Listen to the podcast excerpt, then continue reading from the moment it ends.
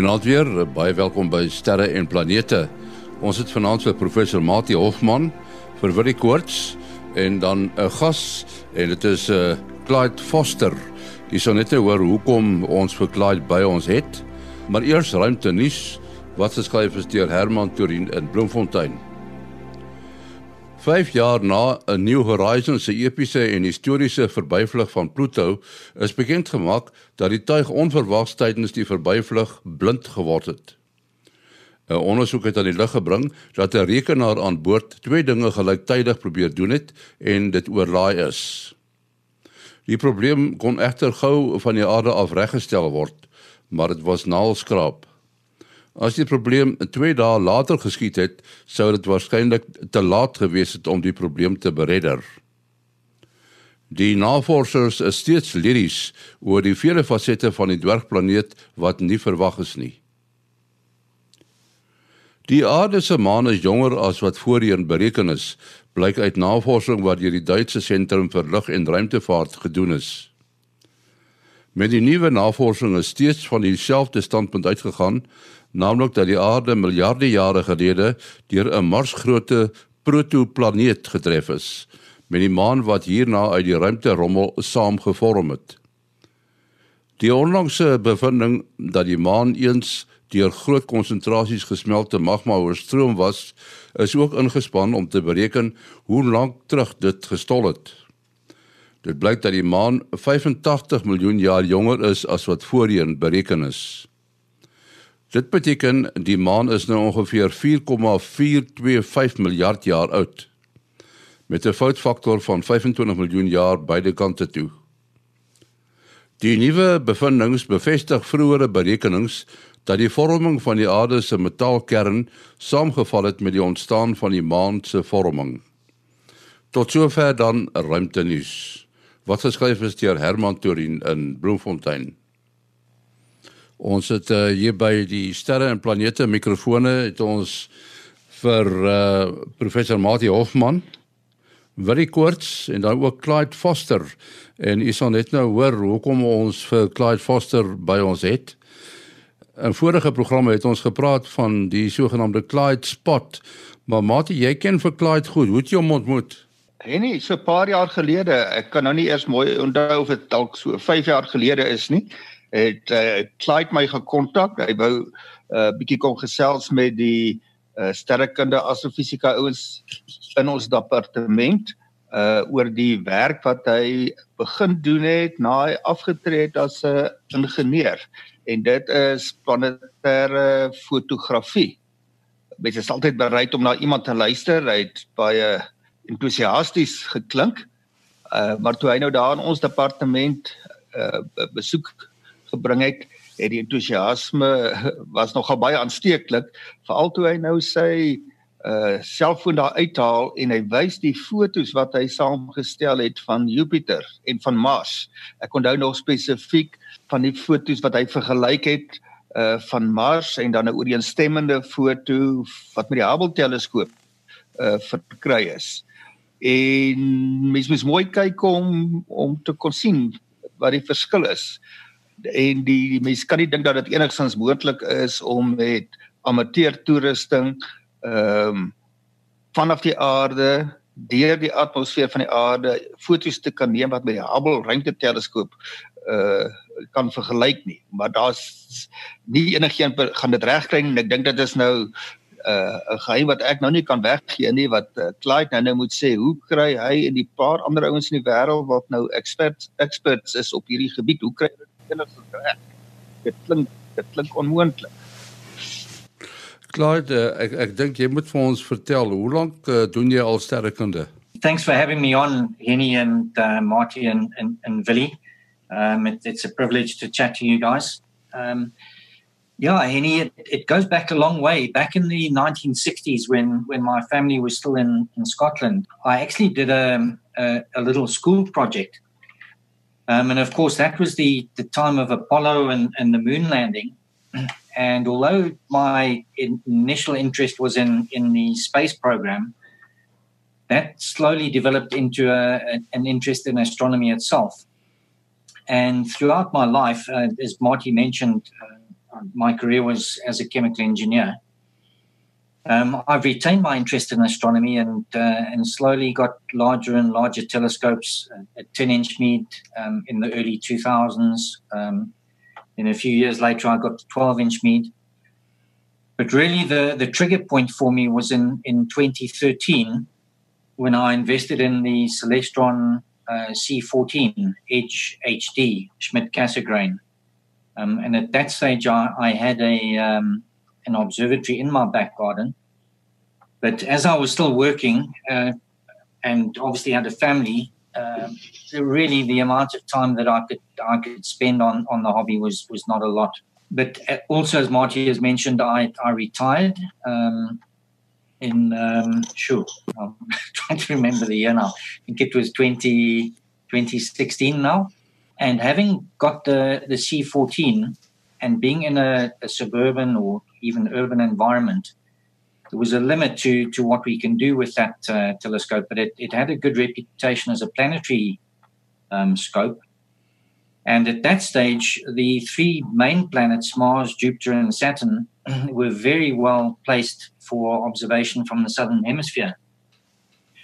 And I started imaging Mars, and um, very quickly I started developing my, my skills in the field. I spent a huge amount of time searching online then I slowly met the um, the, the, international leaders in, in this field and, and, started opening up communication.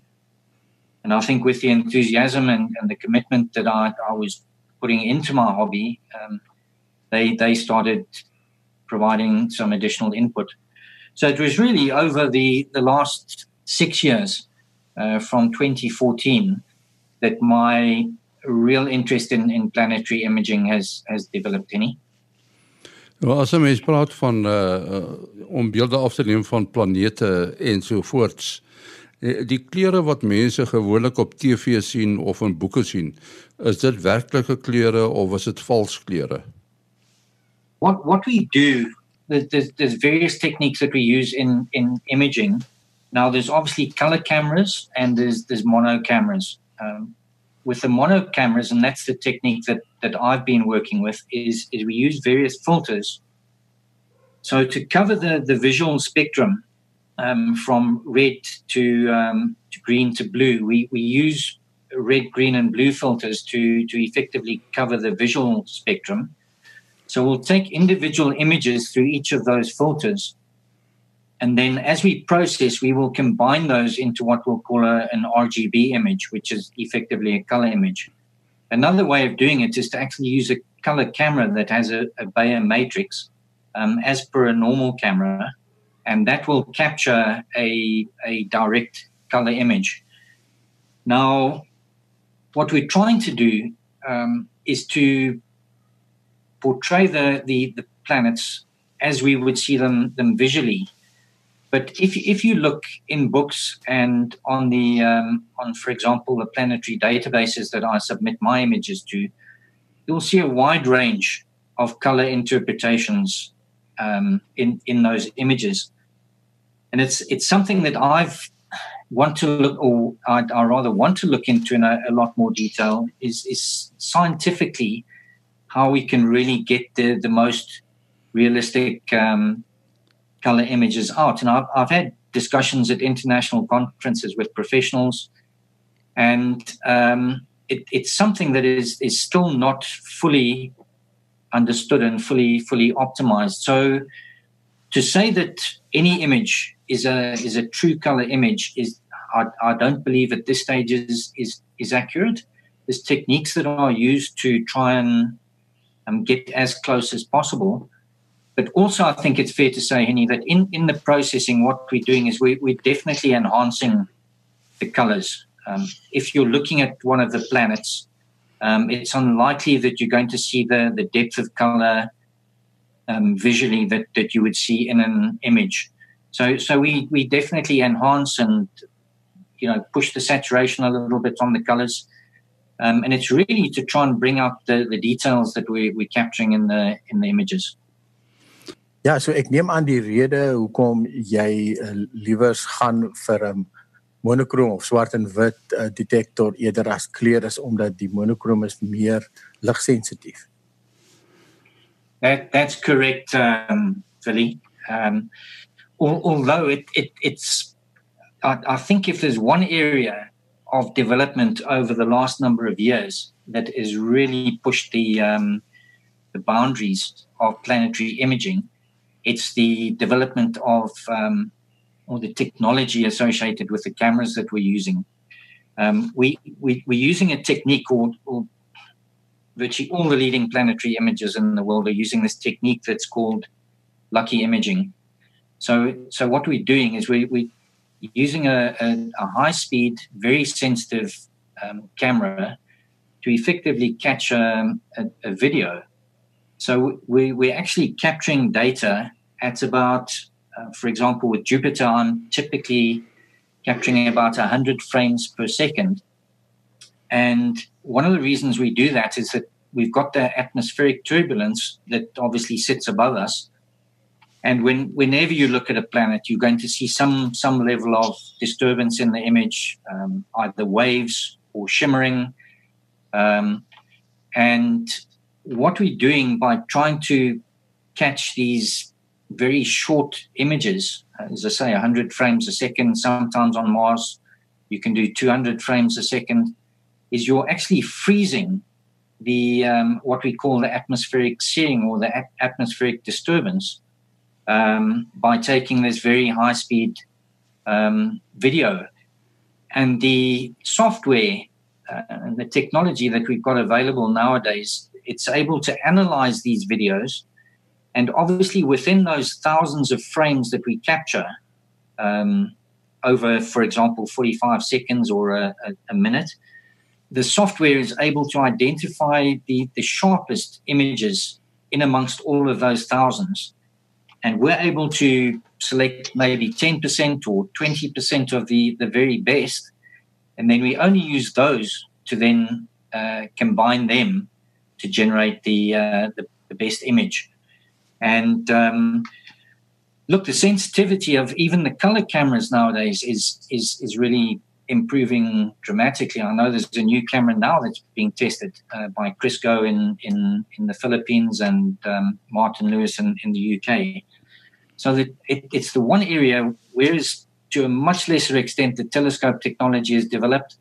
Um, by far, the biggest advancement has been in, in camera technology and, as you say, in the sensitivity that allows us to capture these huge amounts of frames and then analyze them.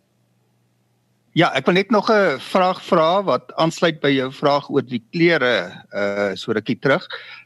In die geval van Clyde's se Clyde spot op Jupiter wat ons nou in die vorige program ook oor gepraat het, in daardie geval uh as ek nou so vinnig hier kyk na NASA se uh, webwerf, uh sê hulle dit is dit het te doen met uh metaangas. Uh so uh Clyde moes jy van 'n spesiale filter gebruik maak om nou spesifiek daardie bepaalde weerstelsel wat nou op 'n manier met metaangas in die atmosfeer te doen het uh, af te neem uh of was dit ook nou maar 'n samestelling uit die paar standaard wat jy gebruik.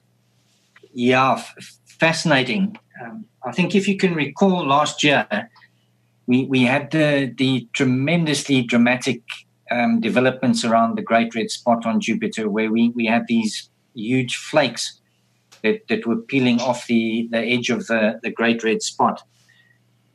Now, typically in, in the past, um, the, we've, we've used RGB or color imaging and um, a number of the leading planetary images use infrared filters. So, for example, I, I take in, infrared uh, captures um, at um, at greater than 685 nanometer, which is basically near infrared and almost closer to red than, than infrared. Um, but for example, you've got um, uh, seven uh, 748 nanometer filters as well. And of course, each, through each filter, you're, you're, you're gathering different data in terms of the either the composition of the, the gases on Jupiter or the depth of the the, um, the structures that we're, we're capturing on, on Jupiter. Now, although at the time last year, a number of images were using uh, methane filters. Now, that's a, a narrow band filter centered on 889 nanometer. So it's in, in the infrared um, range or near infrared um, range. Um, and typically a bandwidth width of 8 to 20 nanometer. Um, obviously, with the 20 nanometer, you're, you're capturing a bit more light, and, and most of the amateurs are now using that filter. So it's it's a methane filter centered on 889 nanometers and, and typically a bandwidth of 20. And last year, that filter really came into its own um, with the absorption uh, of light uh, with that filter. What it does is is highlight only the features on Jupiter that are sitting high up in the atmosphere, in the upper levels of the Jovian atmosphere. And of course, the, the Great Red Spot we know has um, the, the top of the Great Red Spot sits above the surrounding cloud layers. So that shows us very bright in, um, in this methane filter. And of course, what we saw was as these flakes were coming off, they were also bright in, in methane indicating that the flakes were coming off at a, a high altitude. But as that developed, the skills um, that were being developed in the amateur community, and, and, obviously I got pulled along with this, and, and, I spent a lot of time developing my skills specifically with that filter. Um, we're getting exceptional quality of images in that methane band. So what happened was um, with this specific set of um, images that I was capturing on the 31st of May, I, I did my normal RGB um, captures, which uh, you do RGB and then you repeat that for a number of cycles. And then I took my infrared images, and there was nothing particularly specific that I, I was picking up um, as I was looking at the screen. And then I went on to my methane images and almost immediately I could see that there was a there was a, a, a bright spot. I could see it on the screen, uh, didn't even have to process any any data. And my initial thought was that it may have been an asteroid impact. Um, that's something that the amateur community is looking at very carefully or closely, and we basically analyze all our data for for impacts nowadays. There's, there's specific um, software that we we use. So anyway, I, I proceeded with um, with capturing my data, but immediately I could see that there was um, there was something happening, and I obviously submitted that to the the normal international forums and databases. Um, but over the last number of years, I've been building up um, a very close working relationship with uh, with the NASA Juno mission team. Um, they work very closely with the with the leading amateurs in in the field um, because they they are almost reliant on images of Jupiter um, when the, the spacecraft is doing its close flybys. Um, they actually use the amateur data and images to target um, or to identify any interesting features on, on Jupiter during the, the close flybys of the, the, the spacecraft. Number one is that the bright spot was in an unusual position. We don't often get outbreaks or what we call outbreaks, and, and an outbreak is is effectively a, an intense plume of gas um, which almost erupts um, out of the upper layers of, of the Jovian atmosphere. I, whether it's accurate or not, I'm not sure, but I, I visualize, visualize it um, almost as like a, a, nuclear mushroom cloud. As, as you have the explosion and you have this plume of or, or mushroom plume um, expanding upwards. Um, I, I, normally visual, visualize it um, like that. But um, we get these outbreaks in, in other areas of Jupiter, but, but not specifically in, in this area. There's only been two that I'm aware of, and both of them developed into quite large um, developments uh, there, thereafter.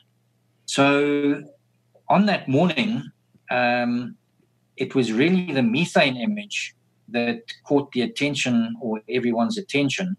Whereas if you look at the RGB, the color image, and the, the infrared, really there's no there, there's not a lot that we would have seen, and I think it just highlights the fact that in years gone by, without methane band imaging, um, this type of event may well have been missed.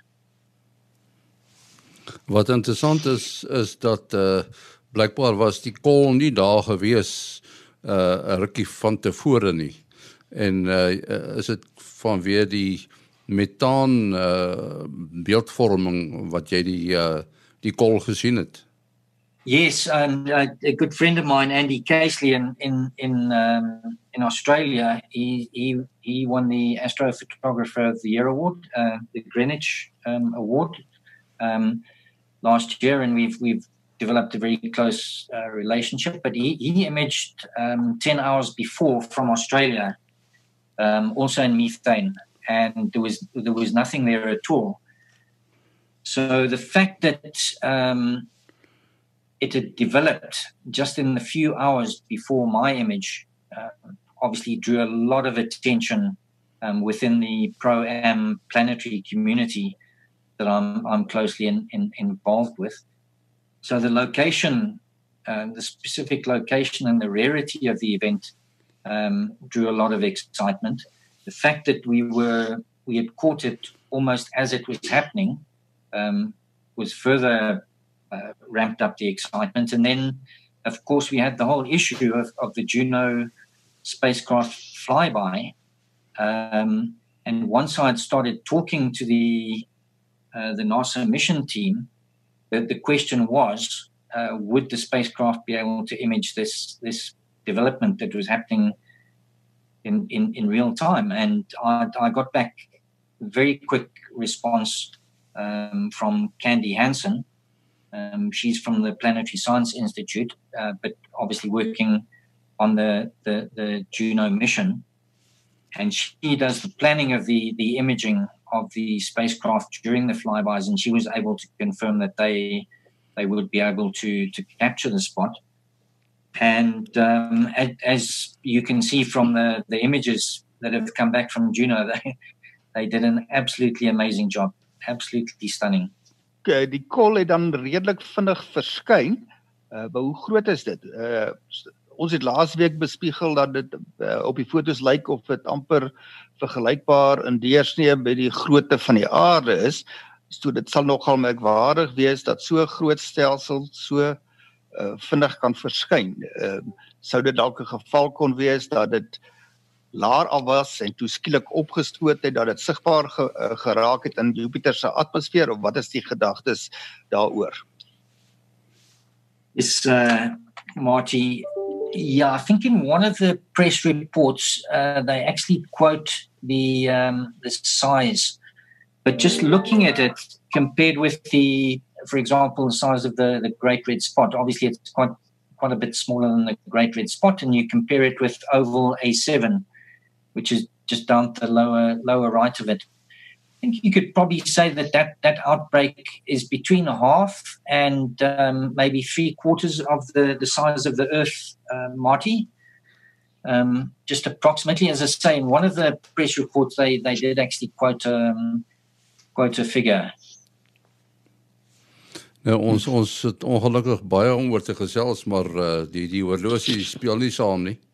Ons sê baie dankie aan Clyde Foster wat uh, vanaand kom kuier het om te vertel oor hierdie merkwaardige prestasie wat hy behaal het om uh, hierdie kol op uh, Jupiter uh, waar te neem en die kol staan bekend as Clyde spot. Goed, Mati, uh, jou besonderhede. En die selfoonnommer is 0836257154. 0836257154. Nou, Willie? Is 0724579208.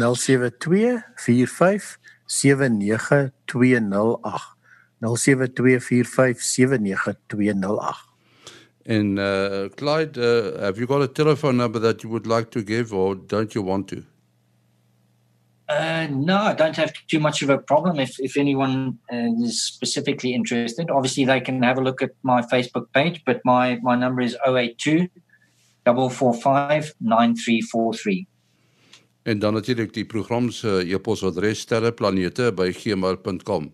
sterreplanete@gmail.com. Nou ons hartlike dank aan Clyde Foster, professor Mati Hofman en Willie Koorts. Tot volgende week. Alles van die beste.